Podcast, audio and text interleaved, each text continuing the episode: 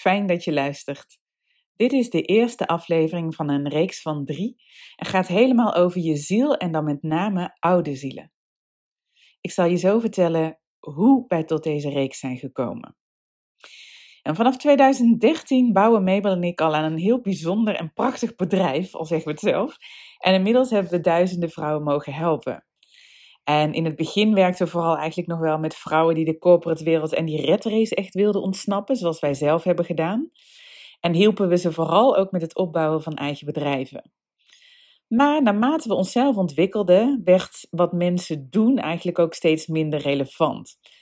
Want ja, vaak werkt het wel zo, moet ik zeggen, dat vrouwen die op een kruispunt staan in hun leven, die, die komen vaak bij ons omdat, ja, we spreken de taal natuurlijk, we spreken de corporate taal. Uh, we weten wat er komt kijken bij een carrière switch. Welke keuzes je dient te maken, hoe je naar je hart luistert, al dat soort dingen. Welke weerstand je tegen kunt komen. Maar inmiddels kan ik zeggen, werken we met zelfbewuste vrouwen die ik het beste eigenlijk zou kunnen omschrijven als sensitief, emotioneel intelligent, multigetalenteerd en ook met een goed en actief brein. En heel vaak willen deze vrouwen de spirituele kant in zich meer ruimte willen geven. Of willen ze meer ruimte geven. Met andere woorden, ze willen nog veel meer vanuit hart en ziel werken en leven. En ze weten ook dat ze alles in handen hebben om dit leven, ja, om daar het allermooiste leven van te maken.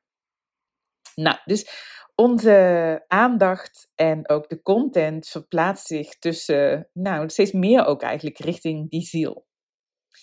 En de reden waarom ik dit drieluik heb gemaakt voor je is ja, eigenlijk heel persoonlijk. Ik, een deel van mij heeft zich altijd heel eenzaam gevoeld. En ik moet zeggen, ik heb eigenlijk altijd wel een grote sociale kring gehad, vanaf jongs af aan. En ook wel veel successen gekend tot nu toe in mijn leven, daar ben ik heel dankbaar voor.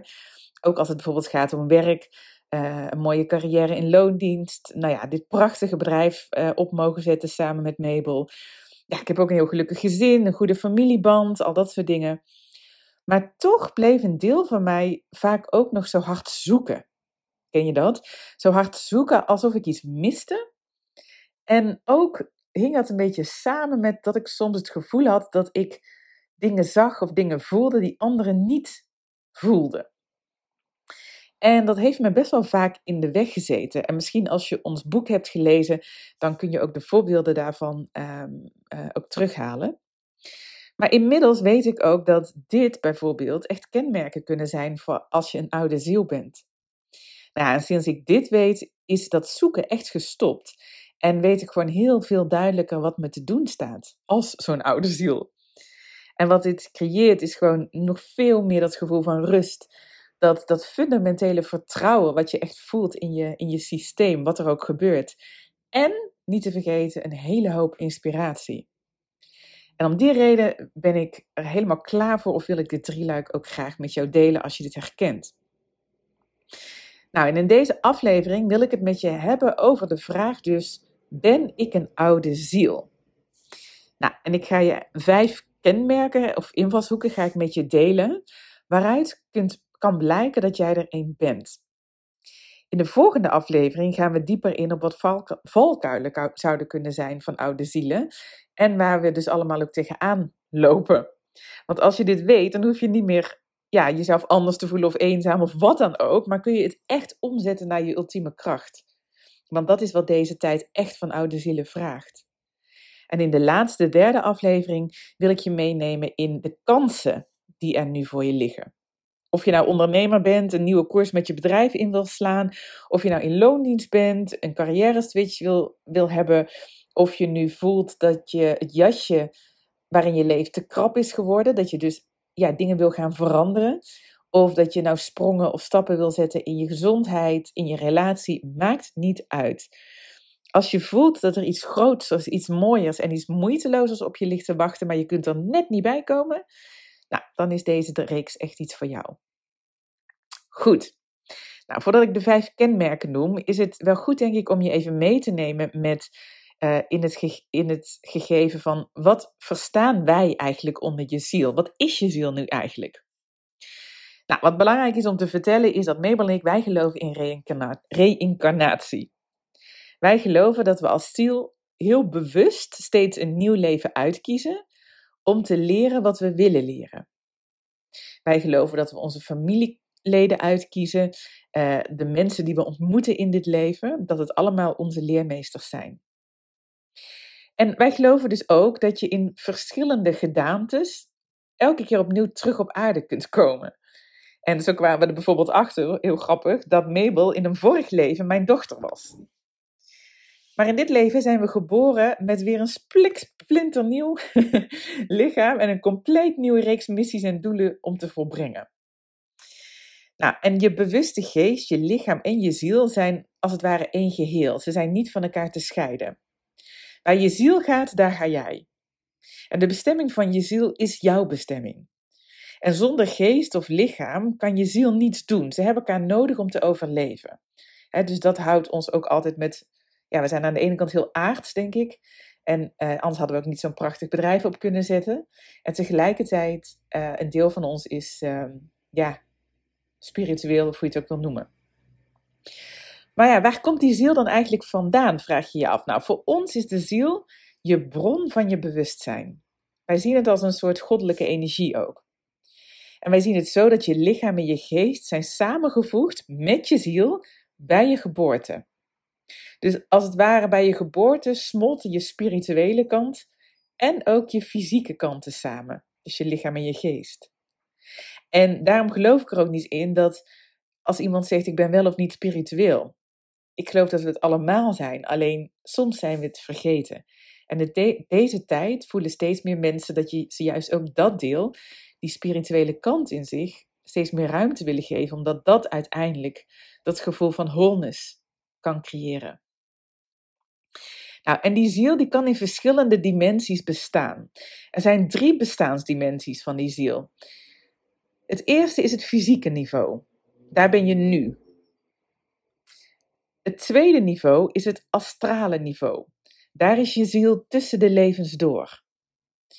En het derde niveau is het causale niveau. En dat ligt ja, ergens achter het astrale niveau. Ik zou zeggen, het is de oorsprong van waaruit we komen. En daar is deze reis begonnen. Is onze reis begonnen. En daar zal het ook eindigen als je dus echt al die levens geleefd hebt. En er zijn zo'n tien levels of tien zielsleeftijden die we allemaal doorlopen. En elke incarnatie, dus elke keer dat je opnieuw op aarde komt, hebben we, is dus een kans om je te ontwikkelen. En wij zien ons leven dus ook als een hele grote leerschool. En naarmate je ziel ouder wordt, dus als ze steeds meer, dan zal ze ook steeds meer van angst naar liefde toe gaan. Nou, nu volgen dus die vijf kenmerken van een oude ziel. In werkelijkheid zijn het er eigenlijk nog wel meer, maar na al deze ervaring kunnen wij er deze uithalen die ja, voor bijna alle oude zielen gelden. Goed, de eerste. De eerste is een bovengemiddelde mate van empathie. Nou, ik zei het net al, hoe dieper je ziel en je bewuste zelf zich met elkaar verbinden, hoe meer menselijkheid van anderen je kunt zien. En dus hoe beter je in staat raakt om niet te veroordelen. En dat komt simpelweg omdat je andermans standpunten goed kunt inzien. En de andere kant kan zijn dat anderen misschien zelfs wel tegen je zeggen: je bent te gevoelig of te soft of je wijt te veel mee met mensen. Het kan ook zijn dat mensen dit juist niet tegen je zeggen, omdat je juist hebt geleerd in dit aardse leven om afstand te nemen van dat meewaaien, om het maar zo eventjes uh, uh, te benoemen. Want toen ik zelf bijvoorbeeld als manager binnen de corporate wereld werkte, leerde ik om beslissingen te nemen waar ik op werd bevestigd. Dus harde keuzes maken was goed. Het kan ook zijn dat je als gevolg van het feit dat mensen dit vroeger tegen je zeiden, je dus als het ware een beetje bent doorgeschoten in een soort zichtbaar zelfvertrouwen. En dat je je minder empathisch voordoet dan je eigenlijk bent. En we zien ook vaak dat mensen een soort werk- en privéversie hebben ontwikkeld. Dus in het werkstuk ben je dan geneigd om je te gedragen naar de normen van succes en prestatie die daar gelden. Maar in je privéleven ben je bijvoorbeeld dan weer een heel stuk zachter en veel meer invoelend en empathisch. Goed, de tweede, het tweede kenmerk, dat is veel oude zielen zijn tegen conformiteit. Vind ik ook wel een hele interessante, want vele jonge zielen, dus echt en ook vaak ultra jonge zielen, die dus niet, nog niet zo heel veel levens hebben meegemaakt, die worden aangetrokken door iets. En dat is de veiligheid die bijvoorbeeld een groep of bijvoorbeeld een godsdienst biedt. Jonge zielen hebben die veiligheid ook nodig en daarom omringen ze zich graag met gelijkgestemden. Ze, willen, ze moeten immers nog leren hoe het leven werkt, tussen aanhalingstekens. Ze zijn ook vaak veel meer geneigd om wantrouwend te zijn of om um, in verschillen te denken. En ik denk bijvoorbeeld aan Amerikaanse kerkgenootschappen. Daar komen soms tienduizenden mensen samen om die opvattingen ook bevestigd te zien. Ik denk zelf ook aan Trump. Ik, ja, dat moet haast wel een ultra jonge ziel zijn. En oudere zielen die hebben vaak minder strikte opvattingen. Dus ze zeggen niet per definitie ja op alles. Of ja, ze voelen niet per se definitie ja op alles. Het kan natuurlijk dat je hebt geleerd om je mond dicht te doen, hè? Doordat je ouders dat zeiden of wat dan ook. Maar oude zielen, die hebben heel vaak de behoefte ook om zich een beetje af te zetten tegen de heersende normen. En dat hoeft niet alleen zo natuurlijk in een kerk te zijn, maar dat kan ook zich uiten ten opzichte van bepaalde dogma's. Bijvoorbeeld over hoe je zou moeten zijn, wat je zou moeten doen en dat soort dingen. Hoe de wereld ja, eruit zou moeten zien. Oude zielen hebben ook vaak een hele goede en duidelijke, een heldere visie over waar het heen mag. En dat is wel leuk, want de vrouwen met wie wij werken hebben dit eigenlijk allemaal wel in min of meerdere mate in zich. Ze voelen allemaal wel dat het anders kan. En dat vind ik ook zo leuk om met ze te werken, want iedereen voelt wel een roeping om een eigen koers in te gaan varen of te slaan. En willen daar ook inspirerend in zijn. En dat zijn ze ook vaak. En dat komt omdat het perspectief van een oude ziel het resultaat is van vele levens waarin ze ja, op allerlei vlakken wijsheid hebben vergaard. Oké, het derde kenmerk. Dat is, je voelt de behoefte om het verschil te maken. Hoe hoger je zielsleeftijd is, hoe meer je deze behoefte ook hebt. En ik vertelde je al, er zijn ook nog levels van die zielsleeftijd. En die gaan tot niveau 10. En in de coaching gaan we vaak ook in op de zielsleeftijd die iemand heeft. Het gaat nu iets te ver om dat in deze uh, serie te behandelen. Maar als je op het hoogste niveau zit, dus als je de meest oude ziel bent, dan draait het eigenlijk alleen nog maar enkel en alleen om mensen. Moeder Teresa en Gandhi, dat zijn van die prachtige voorbeelden, vind ik, die echt hun leven in dienst hebben gesteld. En oude zielen kunnen ook vrij excentriek zijn in hun doen en laten of in hun denken. En het kan ook zijn dat, um, ja, dat je dus die behoefte voelt om het verschil te maken. En hoe hoger je zielsleeftijd is, hoe meer je dus deze behoefte hebt. Maar dat andere mensen je niet altijd kunnen volgen of begrijpen. Ja, en dit kan dan weer dat gevoel van eenzaamheid geven en creëren. Als je je dus niet met ja, de juiste mensen, wil ik bijna zeggen, omringt. Ja, daarom is het zo voedend om je te omringen ook met andere oude zielen. Dat je elkaar op een ander level begrijpt. Oké, okay, kenmerk 4, dat is, je hebt heimwee. Dat, ja, ik eh, ben er eigenlijk pas niet eens zo heel lang achter. Dat, dat gevoel van heimwee, dat ik al van jongs af aan ken. Dat ik iets mis, ergens naar terug wil, maar ik kan niet duiden wat beetje nostalgisch, uh, melodramatisch kan ik daarvan worden. Dat dat eigenlijk de heimwee is naar huis, naar thuis. En met thuis bedoel ik dan dat waar we allemaal vandaan komen. En als je dit herkent, dan hoef ik daar niet eens zoveel woorden aan vuil te maken.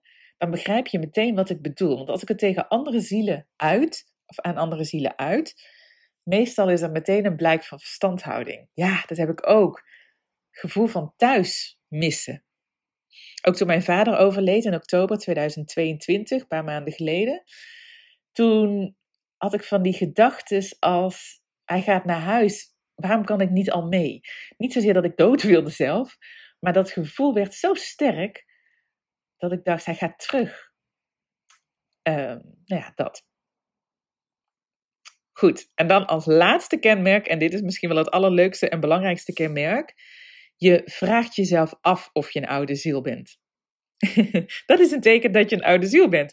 Want als je deze audio tot nu toe hebt geluisterd, dank je wel daarvoor, dan betekent dat iets. En jonge zielen, die vragen zich dit niet af. Goed, ik ben heel benieuwd welk kenmerk jij vooral herkent. Dus laat het even weten als reactie als je wil. En dan neem ik je dus in de volgende aflevering heel graag mee in de top 3 valkuilen, valkuilen als je een oude ziel bent. Want als je je namelijk niet bewust bent van deze valkuilen, dan kost het onnodig en ontzettend veel energie. En zal het je uiteindelijk ook verder van je zielspad en dus ook die moeiteloosheid in je leven afbrengen. Je wilt dit helder hebben, want je krijgt er een enorme energie en helderheid voor terug. Dus, ik zie je, of ik hoor je, je hoort me in de volgende aflevering.